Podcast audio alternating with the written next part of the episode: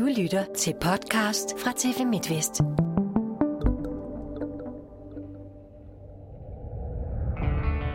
Hvordan har det været at komme 10 år tilbage i tiden til den gang, hvor han var bankrøver, og hun var en naiv teenager, som pludselig blev en del af et dobbelt bankrøveri? Hvordan har det været at fortælle historien og stå frem med den? Det er noget af det, vi i den her tredje podcast om bankrøveren vil kredse om. Røveren løb først ind i Sparbank, derefter i Salling Bank. Han havde en pistollignende genstand i hånden. Var der dobbeltrøveri mod to Alt tyder på, at det er den samme, øh, samme gerningsmand, fordi at signalementet passer, og det er umiddelbart efter hinanden. Bankrøver har netop fået 4,5 års fængsel ret. Forstyrrer dig lige nu? Øh, nej.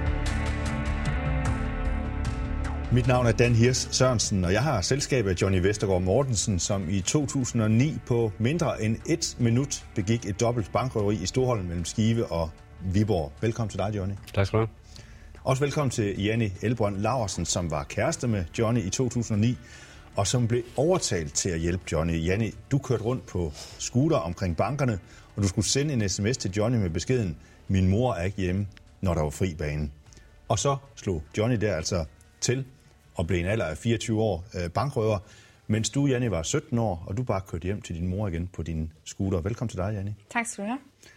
Bankrøveren, det er en podcast i tre dele. Det her det er afsnit 3, og har du ikke hørt de to første, så find dem i iTunes eller på vores hjemmeside til midtvest.dk, eller Play-app, eller hvor du plejer at finde dem. For det er vigtigt, at du har hørt dem, inden du hører den her. Johnny og Janne, I har indvillet i at svare på spørgsmål fra vores lyttere og seere, og tak til dem, som har sendt spørgsmål til os. Men først et spørgsmål fra mig, Johnny. Ja. Hvad havde du overvejelser, da jeg ringede til dig i det tidlige forår og spurgte, om du ville fortælle din historie? Jamen, øh, jeg har sgu altid sådan rigtig haft en drøm om at, at fortælle den, på grund af, at øh, altså, folk de tror, at jeg er en bandit, og jeg bare lavede det for sjov for at tjene nogle hurtige penge, men øh, det var ikke sådan, sådan, det var, den rigtige historie. Det var på grund af, at jeg var kommet ud uden noget lort, og skulle betale nogle penge, så og skulle kunne komme ud med en historie her, så folk de kan vide, at, øh, hvorfor jeg har gjort de ting, jeg har gjort, så det er derfor. Så du tænkte dig egentlig ikke ret længe om, før du egentlig sagde ja til mig? Det gør jeg faktisk ikke. Jeg har gået med den her drøm i lang tid og fortælle den rigtige historie, så folk kan få det at vide, at, øh, hvorfor jeg gjorde det. Og, ja. Og det skal vi nok vende tilbage til, hvorfor du også øh, gjorde det og så videre. Øh, Janni, øh, jeg ved, at du havde bekymringer, eller overvejelser i hvert fald, i forhold til at stå frem. Hvad gik det ud på? Jeg er meget bekymret for, hvordan folk reagerer. Om øh, man vil ændre et syn på mig. Øh, fordi jeg har meget stille og rolig pige. Og det har jeg altid været. Så jeg håbede ikke, at folk de ville ændre, altså hvordan de så mig. Så, så. så hvad for nogle reaktioner har du så fået? Jeg har heldigvis kun fået positive reaktioner. Og folk de synes, at det er flot, at jeg stiller frem. Og det er mega sejt. Slet ikke negative? Overhovedet ikke. Jo, en. At det, hvad skal man få ud af at stille sig frem på den måde? Øh, men det er det eneste. Men er der ikke nogen, der sådan har, har, har sagt til dig, hvad har du der gang i, og så videre? Og... Nej, faktisk ikke. Overhovedet ikke en eneste. Så det er egentlig været godt? Ja, det må man sige. Johnny, hvad har du fået af reaktioner? Jamen, det er lidt, øh, det er lidt modsat. der har sgu været mange, der har, der har skrevet lidt svin stemmer, men øh, også omvendt folk, der har skrevet til mig, at, øh, at det var sejt, at jeg står frem og fortæller min historie. Og, så ja. Så nogen skriver øh, nogle halvkedelige beskeder til dig på Messenger, for eksempel? Ja, eller ja. Det er sådan 50-50. Og hvad, kan det, hvad, hvad, hvad skriver de? Jamen, øh, det var en skam, jeg ikke øh, kom ind og sidde i 10 år, og, og ja, at jeg er mere en, og ja, det er så sådan lidt forskelligt, som folk de skriver. Hvad gør det ved dig? Ja, det er selvfølgelig, man får det flashback øh, tilbage med fra tiden der, og jeg bliver lidt ked af det, når folk de skriver det der, fordi det var ikke min hensigt at, at vi gøre det der selvfølgelig. Jeg var som sagt uh, tvunget ud i det, så det er jo, ja. Okay. En del folk har skrevet til dig, og vi har også opfordret folk til at stille spørgsmål til, at vi lægger ud med et spørgsmål fra en, som hedder Heidi. Hun skriver, Johnny, og det er til dig. Øh, På mig virker det som om, Johnny, at du ikke angrer. Har du ikke tænkt på, at du har skadet nogen ved dine handlinger? Og her tænker jeg ikke kun på bankrøveriet. Mm. Jo, det har jeg. Selvfølgelig har jeg det.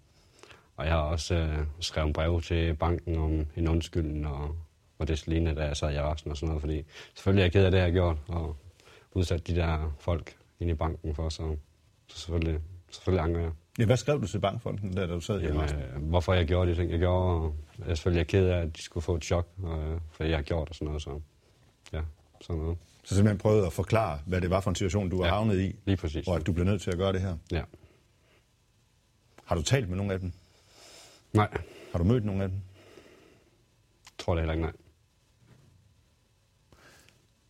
Og måske tænker Heidi, som stiller det her spørgsmål, Johnny, måske tænker hun ikke kun på bankfolkene, måske tænker hun også på, på, på din familie og på Janni. Altså, sådan, altså tænk du over det, da du sådan øh, løber ind i de to banker og begår øh, det her dobbelte bankrøveri. Tænker du over, at, at nu trækker du Janni ind i noget værre noget, og du trækker måske også øh, Lige din familie? Lige situationen, der, der tænker jeg ikke øh, sådan rigtig over noget som helst. Jeg tænkte bare, at jeg skulle skaffe de penge der, så der ikke sker mig noget og min familie. Så kunne alt sådan set være lige, være lige meget, fordi at, uh, min familie de kommer sgu i første række. Så ja, Ja, du var reelt bange for, fordi du skyldte de her rockere nogle penge, du var reelt bange for, at øh, de ville skade din familie. ja lige præcis. Så koste hvad det vil. Jeg var nødt til at skaffe de penge. Der er også en anonym lytter, som spørger, om du slet ikke tænkte på dit barn. Du har jo en datter også, øh, da du øh, begår øh, bankrøveriet. Som sagt, så tænkte jeg ikke rigtig på noget udover, at jeg skulle have de her penge der, så er der ikke sket min familie med noget. Så det var sådan set det eneste, jeg tænkte på. Det skulle overstås, så de kunne få deres penge og ja, starte på ny. Janni, tænkte du på, at du kunne ramme din familie ved at rode dig ud i sådan noget som et bankrøveri? Nej, jeg startede ikke lige... Det var ikke lige de tanker, der sådan gik igennem mit hoved til at starte med, vil jeg sige. Men øh, det har ramt min familie rigtig meget. Hvordan?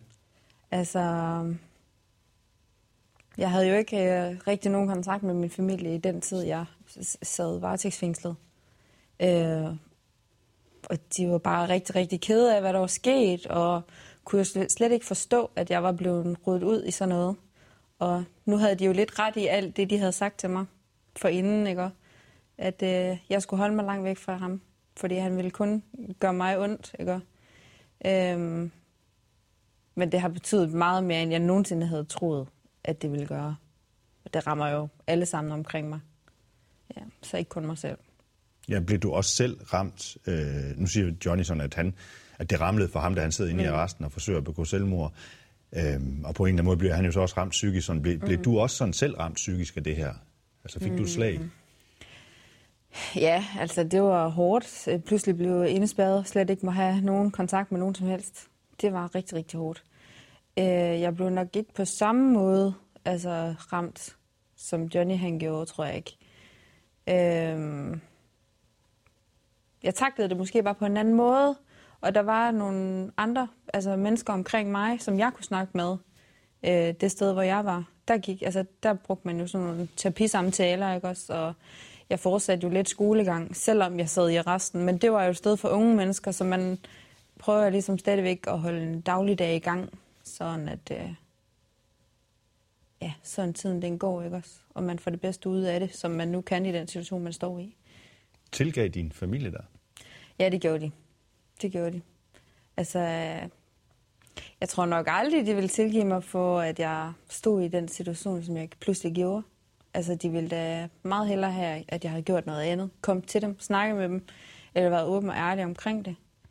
Men det, det kunne jeg bare ikke engang. Det havde jeg ikke ressourcer til. Der er en, som hedder Bodil, som gerne vil vide, apropos det her med, med, med det psykiske, hvordan I håndterede det psykiske pres som, som par. Altså, I kunne jo ikke, altså lige efter bankrøveriet, mm. jeg tænker på, I kunne jo ikke rigtig sådan fortælle det til nogen, og havde vel dybest set kun hinanden at snakke med øh, om det og så videre også. Altså, hvad, hvad snakkede I om? Ja, det tror jeg ikke rigtigt. Vi snakker sådan, sådan om det. Sådan. Nej. Jeg tror bare, vi, vi lader det bag os, og så ser vi, om vi kan komme videre. Vi- Jeg kan huske, at vi snakkede meget om, at øh, altså, hjertet hamrede, og man havde sådan lidt kvalme, og Ja. man kunne ikke rigtig spise noget, og det var svært at sove og slappe af. Og... Altså, Specielt min krop, den kørte i hvert fald på overtryk. Jeg vidste jo aldrig, hvornår de ville komme. Om De vidste noget, eller... Af politiet? Ja. Nej. Og så var man måske også lidt paranoid. Man følte hele tiden, at folk de gik og kiggede. Vi ved, det er dig-agtigt sådan. Øhm, men det, det tror jeg ikke, det kan undgås. Sådan får man det vel. Ja, Johnny, du kom jo stadigvæk, altså i dagen efter, sådan kom du jo så i din egen bank. Det var jo din egen bank, du, ja. du blandt andet uh, røvede også. Du kom der jo stadigvæk. Ja, det er vel også bare for, at det ikke skulle se mærkeligt ud, jo. Tænker jeg, at man bare blev med at komme der, som om der ikke var sket noget. Men havde du også den der fornemmelse, som, som Janni måske lidt havde, at, at folk kiggede lidt på dig? Ja, altså? jeg havde nok en lille smule, ja. Det havde man.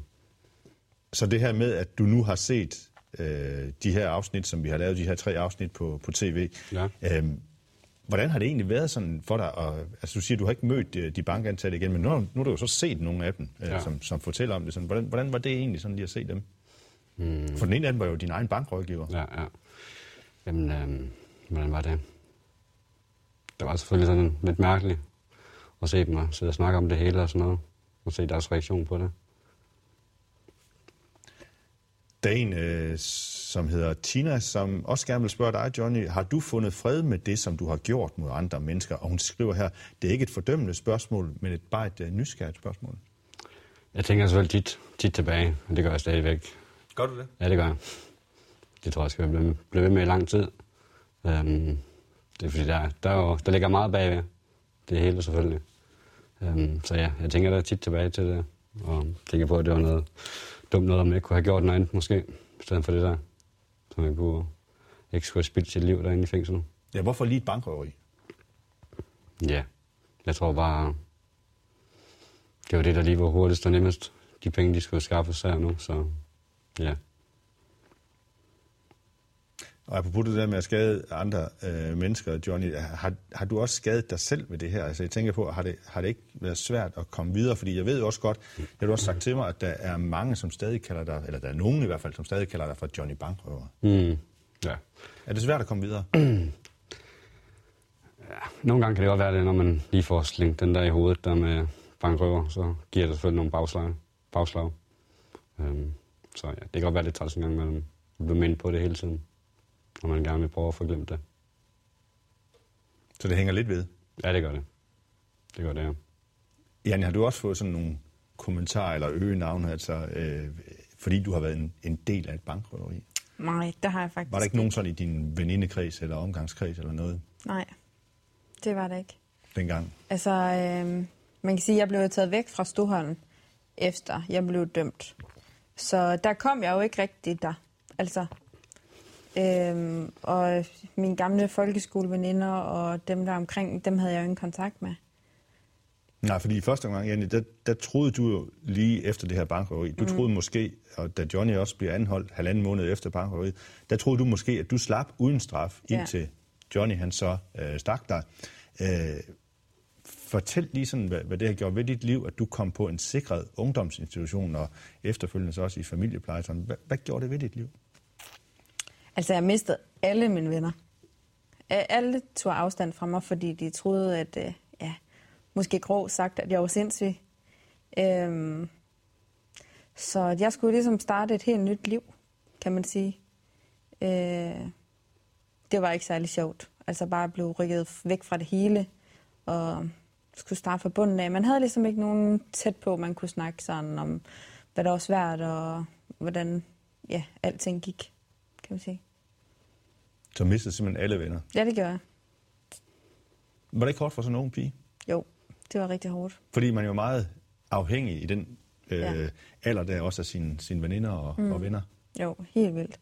Jeg kom så heldigvis ud til den sødeste plejefamilie, altså, som virkelig var rigtig god til at snakke med mig og hjælpe mig til alle de ting, jeg synes, det var svært, fordi det var bare svært at få lov til at gå rundt alene, efter man har været på en sikret institution.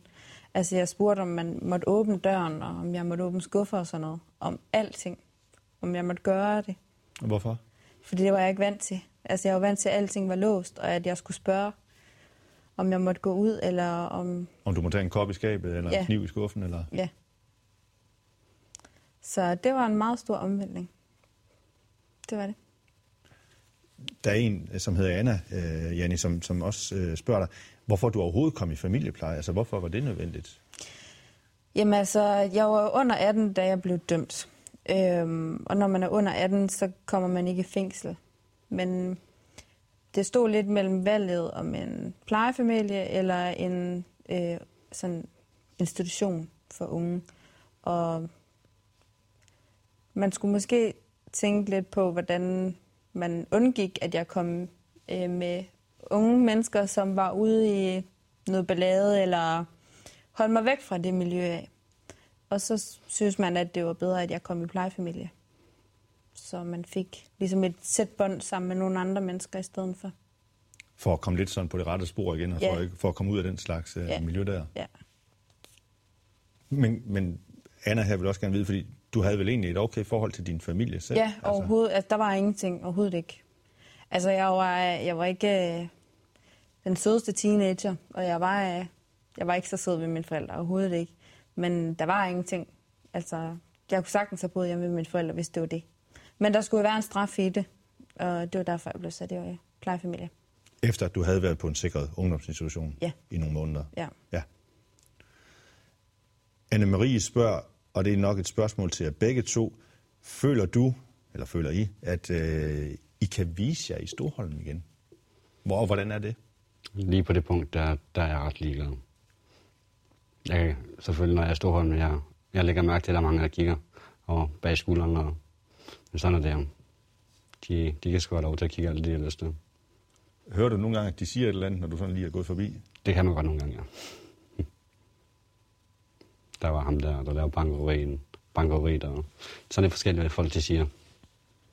Men ja, Men har du, har du, taget, en, har du taget et panser på der, eller en skal, øh, sådan, hvor, hvor det praller så af på dig? Eller? ja, ja, jeg er ikke flov ved at gå i Storholm eller noget. Overhovedet på nogen måder. For du står ved det, du har lavet. Det er også derfor, du står frem og fortæller din Ja. historie. Lige præcis. Janne, hvordan har du det med at være Storholm? Altså i starten, der holdt jeg mig helst væk. Mm. Altså, øh, jeg, jeg skulle ikke være nede i byen overhovedet, så ville jeg hellere sende nogen afsted for mig. Men øh, med tiden, og ja, med alle folk, de kender mig, for jeg har altid boet i Storholm. Så øh, der er ikke, altså der er ingenting. Jeg kommer i Storholm, når, når jeg skal det. Men begge mine forældre bor der jo, så det er meget naturligt for mig at komme der nu, vil jeg sige. Så det er blevet meget bedre. Har du været i Storholm efter, at de her programmer har vist i fjernsyn? Nej, det har jeg faktisk ikke. Hvordan tror du, det bliver? Det har jeg faktisk slet ikke lige spekuleret på. Men øh, der er nok nogen, der vil, det ved jeg ikke, kigge eller komme og sige noget, eller spørge om et eller andet. Men det, det er de også velkommen til. Altså. Så må jeg tage det med. Johnny, øh, du begik dit første indbrud som 13-14-årig, har du fortalt. Ja. Og du har fortalt, at du har lavet alle former for kriminalitet, stort set. Øh, hvorfor endte du med at gå den vej i dit liv? Mm, jeg tror måske, at øh, jeg begyndte at gå med de forkerte folk, fra jeg var ret gammel. Og så er jeg måske bare blevet rykket med ud i den vej. Ja. Jamen, hvorfor endte du med at gå med de forkerte folk? Jamen, øh, jeg har altid gået med dem, der var lidt ældre end mig selv. Og de har selvfølgelig lavet lidt kriminalitet i deres liv, og så bliver man selvfølgelig også lidt bitter af det, når man går med de mennesker, der så synes man, det er sejt. Og så, ja, så går man selv ud og laver sådan noget lort der. Og så er det selvfølgelig bare hun ved. Men da du for eksempel lavede dit første indbrud der som 13-14-årig, har du fortalt, er der slet ikke noget, der siger, siger op i dit hoved, at øh, ah, det her, det var, det var måske ikke så godt. Det var forkert. Jo, det er der nok, men så er alligevel også den der spænding, der... Ja, det lyder lidt mærkeligt, men sådan... Ja, Ja, så kom du vel pludselig til nogle øh, store penge på, på, ja, ja, det, men, på hurtig vis. ja, ja, lige præcis, og det, det bliver man nok lidt afhængig af på en eller anden måde. At øh, det er nemmere at lave sådan nogle penge der, ved at ud og lave sådan noget lort. Så ja. Men var der nogen, der vidste det der? Sådan, vidste din familie det, for eksempel? de vidste nok godt, der var et eller andet. Og politiet har også været der i, i ny og næ, så de, de har altid vidst, at øh, jeg var lidt en, lidt en væring. Sorte for i familien, hvis man kan sige det sådan. Og var der ikke nogen, der prøvede at få dig på, på rette spor igen, eller? jo, min, min storesøster, hende, øh, hende snakker jeg rigtig godt med. Hvis jeg har problemer, så ringer jeg til hende, og så plejer vi at snakke om alt muligt. Hun kan så nogenlunde sætte mig på rette spor. Hun prøver i hvert fald en gang imellem. Nogle gange så lykkes det. Du smiler, Janni. Ja, Nogle gange så lykkes det, siger han. det er rigtigt. Ej, det er hende, der sådan øh, mere eller mindre kan få noget fornuft ind i ham, tror jeg. Ja. Johnny, du var øh, omkring 20 år, da du kom i fængsel for første gang. Og så altså igen efter bankrøverierne, hvor du får 4,5 års øh, fængsel. Bliver man mindre kriminel af at sidde i fængsel? Hvordan er det at sidde der? Nej, det gør man ikke. Det, det er sgu det værste sted. Det, der er fyldt med kriminelle, kriminelle, kriminelle. Så det, det er ikke lige det sted, man skal sidde, hvis man gerne vil ud af lort. Men øh, jeg gik nogle andre veje derinde og prøvede at snige mig lidt udenom alt det der, som foregik, så prøvede at se, om jeg kunne komme på rette køl. Men lykkedes det? Det gjorde det, ja. Men hvad er det for et miljø, der er derinde? Der var alle slags. Alle slags derinde. Der foregår, der foregår mange ting. Men kan man godt, kan man godt sådan sige nej til det der? Altså, kan man, altså bliver man ikke... Jo, man kan godt sige nej, men så, så rykker man så også lidt ud af fællesskabet derinde jo. Fordi det er jo sådan, alle folk de er derinde jo. Og er der så nogen, der kigger lidt underligt på en, eller? Ja, det kan det godt være. Men da du første gang sad i fængsel, der hvor du er omkring de 20 år der, øhm, gør, det dig, altså, gør det dig til mere kriminel, altså på en eller anden måde? Det var faktisk derinde fra, at det hele det begyndte at eskalere med, med bankerigerne også. Så havde jeg ikke været derinde og sidde, så var, var det slet ikke sket alt det her. Det er der, du bliver mere hårdkogt i det, eller hvad? Ja, lige præcis. Det var, at jeg får nogle forbindelser, og så går det noget galt, og ja, så kommer jeg til at stå i en situation. Janne, synes du, at Johnny han ændrer sig efter at have siddet i fængsel? Øhm, det kørte lidt i perioder, synes jeg faktisk. Hvordan? Øh, altså til at starte med, der, der havde jeg jo ikke rigtig nogen kontakt med ham, kan man sige. Øhm, men jo, han virkede til at blive sådan mere fornuftig, eller ej, nu skal det også have en ende. Nu skal vi øh, leve et normalt liv, eller hvad skal man sige. Øhm, men det gik bare hurtigt, altså alle dem, der er derinde, de laver et eller andet.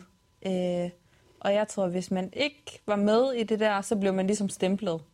Og så var man den, der skulle gøre rent på badeværelserne, eller et eller andet. Man skulle sådan holde sig inde i varmen. Ellers tror jeg ikke, man havde det så godt. Og det var jo det, han ligesom endte med at gøre. Mm. Ja, du nikker, Johnny. Ja.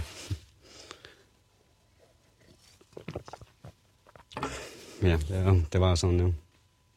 Jeg var nødt til at holde sig gode venner med dem derinde. Men du kommer også ind der, øh, da du er omkring de her 20 år, der, det er også der, du kommer ind omkring rockerkredse og så videre, ind i fængslet. Ja, der starter lige stille som, øh, som AK, da jeg kom ud i Aarhus. Var det svært at sige nej til? Alle mine kammerater, de, de var jo i det miljø der, så, så det var sådan lidt svært at sige nej til det. Man vil også gerne være en af de, de få ro. Janne, ændrede det dig som menneske at komme i familieplejer på en sikret uh, ungdomsinstitution? Synes du, at det, hvad, hvad gjorde det ved dig? Altså ændrede det dig? Ja, det gjorde det. Det, øh, det ændrede mig meget, tror jeg. Altså, jeg er ikke sådan... jeg er måske lidt mere tilbageholdende, tror jeg faktisk. Øh, måske ikke så åben over for alle mennesker, og tager ikke alle mennesker ind. Altså, jeg har få mennesker omkring mig, og de er så rigtig tæt på mig. Altså, jeg har ikke brug for alle mulige. Så det, øh, ja, det ved jeg ikke. Jeg er bare blevet en anden pige. Altså, før det hele det skete, der var jeg jo meget social og ude blandt alle mennesker og spillede håndbold og havde rigtig mange veninder og venner og lavede altid noget. Sådan er det ikke mere. Så du er blevet lidt mærket af det. Ja, det er jeg meget. Jeg, jeg bryder mig heller ikke om til at tage ind til byen alene og sådan noget. Jeg er meget bange for politiet. Bare man bliver stoppet for lige at skal se kørekort, altså så mit hjerte ved at hoppe ud. ja, det er ikke så fedt. Karina har et lidt særligt spørgsmål til dig, Johnny. Hun gerne vide, det er lidt en helt anden boldgade det her nu, hun gerne vide, om du kan score damer, efter at du er stået frem og er blevet berømt. Det ved jeg sgu ikke. Jeg har, jeg har en kæreste, så det behøver jeg ikke. Godt svar. Ja. Morten Christensen vil gerne vide, om det er olie, du har i dine arme, øh, og om det var en del af miljøet. Og hvis man nu gerne vil vide, hvordan du ser ud, øh, dem der hører den her podcast, jamen, så kan man jo så se de tre programmer, som vi har lavet på TV Midtvest, så kan man jo se, hvordan du ser ud også, Johnny. Ja. Øhm, er det olie, du har i dine arme? Det er syntololie, jeg har fået sprøjtet i for... Det er det ikke, er det. Er mange år siden. Det er nok 12 år siden, eller er noget. 12 år siden, vil jeg tro.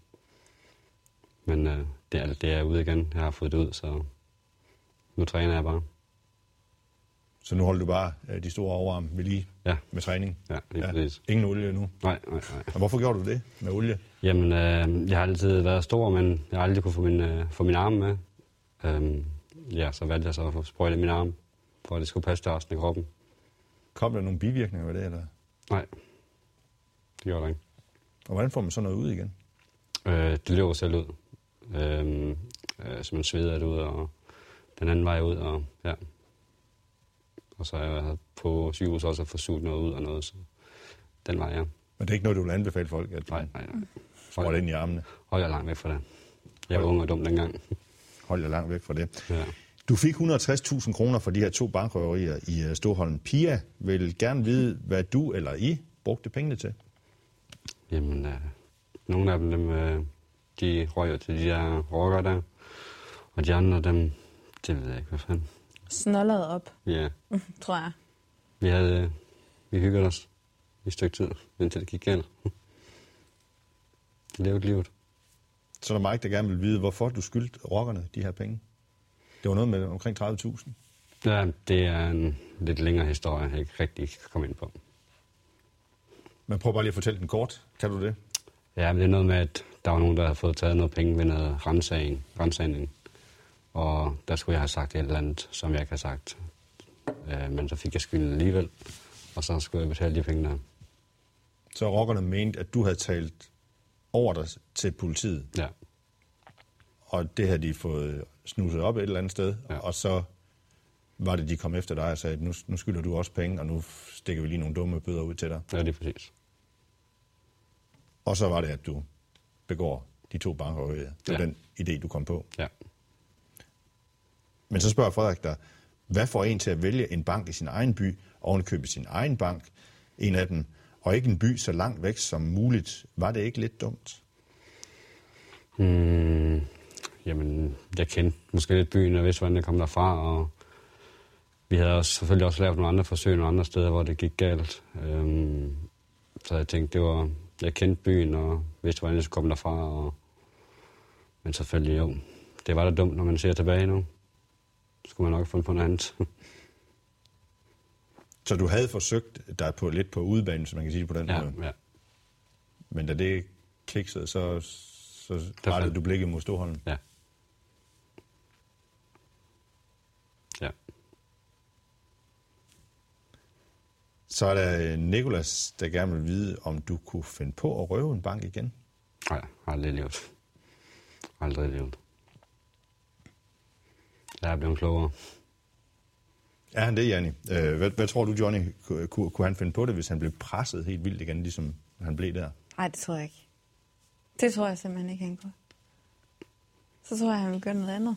Så tror jeg hellere, han vil tage et kviklån eller et eller andet, hvis han mangler så mange penge. ja. Så måtte han arbejde sig ud af det bagefter. Janni, har den her oplevelse, har den ændret dit syn på, sådan, øh, hvad der er rigtigt og forkert i livet? Absolut. Ja, det har det. Ja, hvordan? Jamen, øh... jeg passer måske bare på alting nu. Altså, og det, før passede jeg ingenting på. Der gør jeg, hvad jeg har lyst til. Nu er jeg skal måske bare blive en... Ja, jeg tager noget mere ansvar for mig selv, og er lidt mere realistisk, måske. Det var jeg bare overhovedet ikke dengang. Der er du nem at hive med ud i sådan noget her. Ja, det var jeg. Det er... Jeg var i hvert fald meget naiv og tro på alt, hvad jeg fik at vide. Ikke? Det er jeg måske ikke i dag. Der skal der meget til, for jeg egentlig stoler på folk. Ja. Så er der et par spørgsmål, øh, som går lidt i samme retning. Det er fra to, der hedder Line og Jonna. De spørger, Hvordan er jeres øh, forhold i dag? Fordi I har jo sammen en øh, søn på, på 6 år, for eksempel. Jamen, øh, jeg tror også ikke, det, der kunne være noget bedre forhold, end det vi har. Det er, i hvert fald efter min mening, så, så har vi det rigtig godt sammen. Prøv at beskrive det. Hvordan har I det sammen? Jamen, øh, vil nærmest øh, vi søskende. Hvis man kunne sige det sådan. Ja, hvor tæt er I i dag? Vi, vi snakker om alt. Har jeg problemer, så ringer jeg til hende. Har hun problemer, så ringer hun til mig. Ringer I tit sammen? Ja, det er sådan lidt i perioder. Det er egentlig ikke, fordi vi behøver at snakke sammen hver uge, synes jeg ikke, men vi ringer til hinanden, hvis det er nødvendigt, eller hvis der er et eller andet, man lige har lyst til at drøfte, eller... Ja, nej, jeg synes ikke, vi ringer sammen sådan helt vildt tit alligevel. Så er det et eller andet. Så. Ja, vi ringer, når det er nødvendigt, det synes jeg. Nu siger sådan, eller du siger, Johnny, sådan lidt ligesom, ligesom søskende, måske sådan. øh, Og det, I har den her oplevelse sammen, ja, den ja, oplevelse, været skete igennem for, mange ting, ja. for 10 år siden præcis. Gør, gør det noget ved, ved sådan en, en relation, altså, eller hvor tæt man sådan kommer på hinanden også? Ja, man bliver for lidt stærkere bånd, når man har været igennem sådan ting der. Ja. Vi kender jo hinanden øh, ud af hende. Jeg kan ikke lyve over for hende. Nej. det kan altid høre sig. Det kan du. Ja, altid. Hvad siger du til ham? Hvad han skal da være med at lyve over for mig? Og sige det nu bare, som det er. ja. Øhm, men kunne du... Og så spørger de her to også her, øh, om I nogensinde... Øh, nej, dig, Janni, øh, kunne du nogensinde øh, finde sammen med Johnny igen? Nej, det kan jeg ikke. Der er ikke øh, mere der. Altså, vi sluttede som venner, øh, og det fortsætter. Og hvad med dig, Johnny? Hvordan er dine følelser sådan for Janni? Jamen, det er det samme. Vi, øh, vi kan bedst som venner. Vi har prøvet det der i, i ni år, og det gik ikke, så det, det kører sådan her. Så det er meget fint. Er I hinandens, så kan jeg spørge på en måde, er I hinandens bedste venner? Så? Altså, er det, er I, hvis du skal betro en noget, Mm. er det så Janni? Ja, det er det. Jeg ved, hun, øh, hun siger ikke noget videre. Har du det på samme måde, Janni? Er I Ja. sådan hinandens bedste venner? Ja, men vi kan også være hinandens største fjender. Helt bestemt. Ja. Hvordan, hvordan det? ja, vi kan godt nok også øh, være uvenner, vil jeg sige. Ja. Lidt ligesom måske et søskende par kan. Ja, ja. Måske gange det lidt op. ja. vi kan være rigtig uvenner, men vi kan også altså, være rigtig gode venner og snakke om nogle dybe ting, hvis det er det. Ja. Så det kan gå begge veje, synes jeg. Men, øh, Vi finder altid ud af det. Og hvor er I så hen i jeres liv i dag, Janni? Jeg ved, at du skal til at samarbejde med politiet og SSP. Øh, Du vil gerne med din historie fortælle unge mennesker, hvor let man kan komme galt afsted. Ja. Hvorfor vil du egentlig gerne det? Jamen, øh, jeg synes, det er lidt skræmmende, at øh, man så nemt kan komme ud i noget, som man slet ikke kan bunde i, og at det kan gå så stærkt. Altså, man bliver grebet af kærlighed, og du er ung, og du, for, du er mega naiv, og, ja, og så pludselig så står du bare i noget, hvor hele din verden den vælter.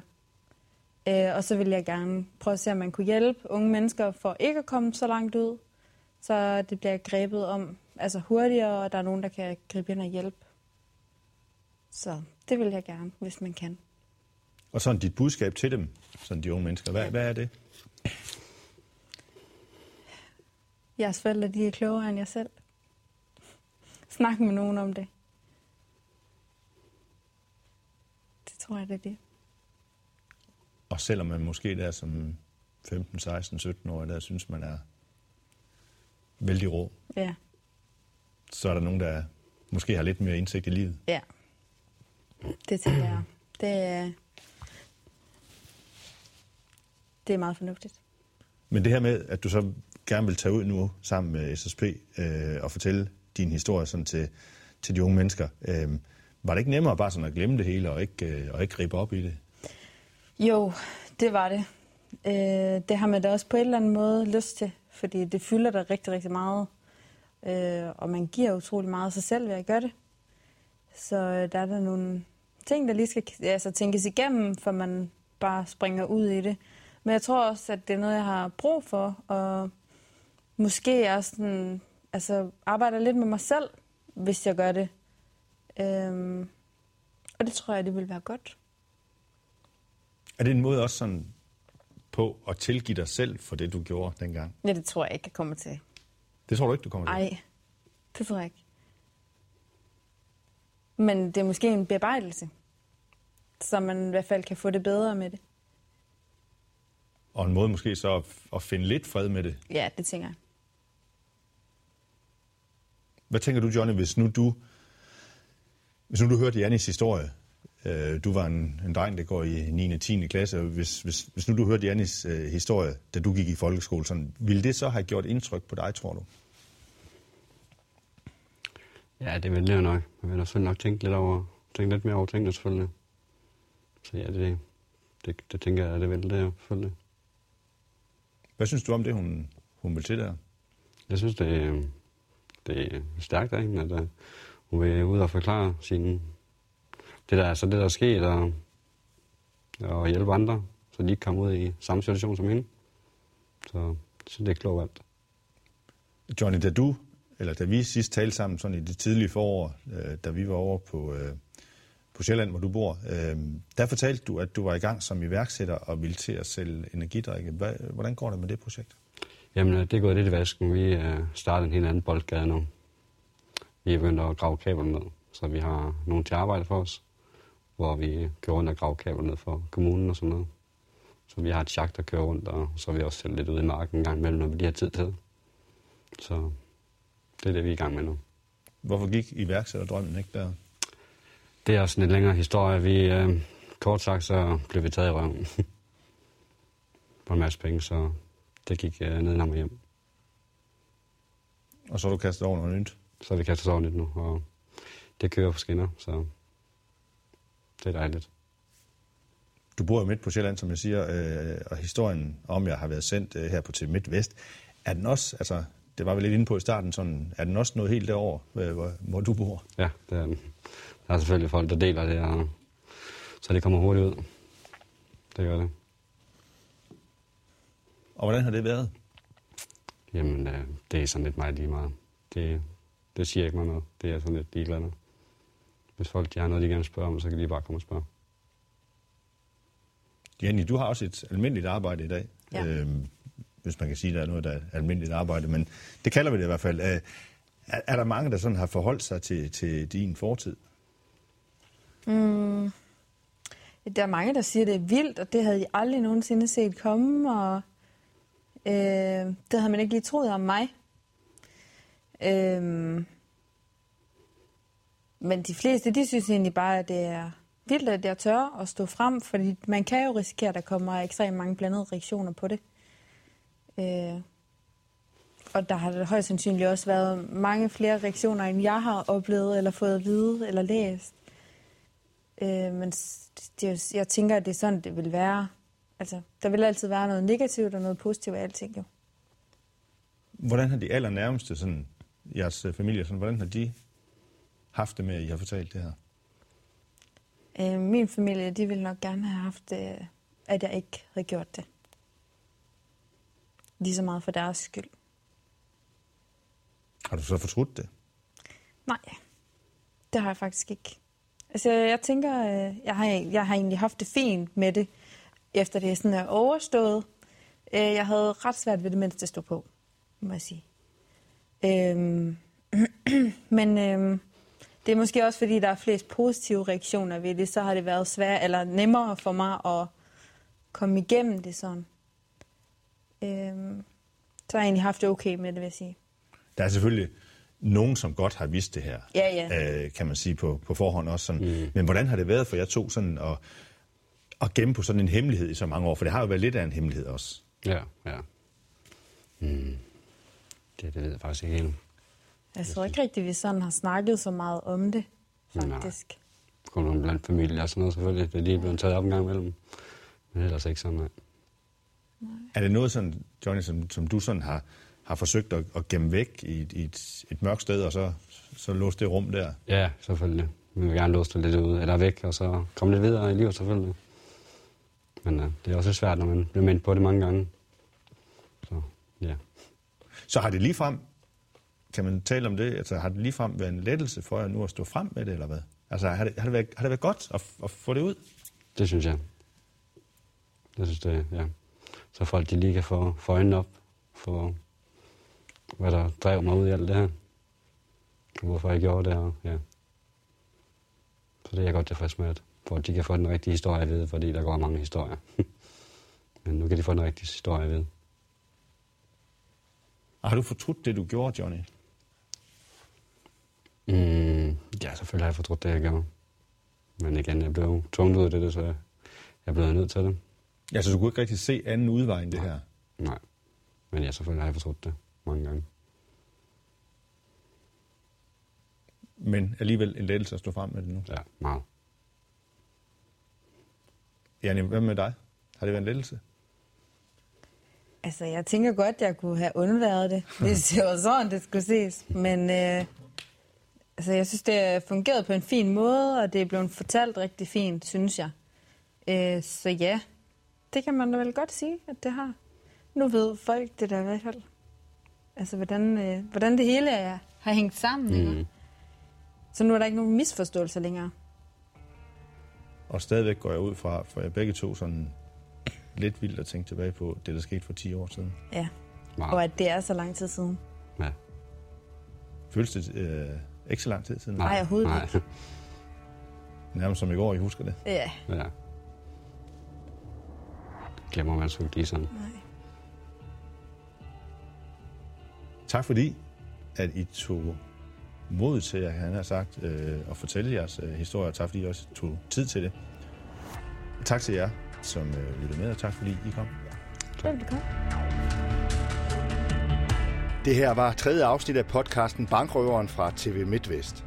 Du kan finde alle tre afsnit i iTunes eller på vores hjemmeside tvmidtvest.dk. Mit navn er Dan Hirs Sørensen, og jeg har lavet den her podcast i samarbejde med min kollega Michael Andersen. Og så har vi også fået en hjælpende hånd til det her tredje afsnit af vores kollega Henrik Schødt. Tak fordi du lyttede med, og på genhør en anden god gang. Alt tyder på, at det er den samme, samme gerningsmand, fordi at signalementet passer, og det er umiddelbart efter hinanden, så det er den samme gerningsmand. Røveren løb først ind i Sparbank, derefter i Salling Bank. Han havde en pistollignende genstand i hånden.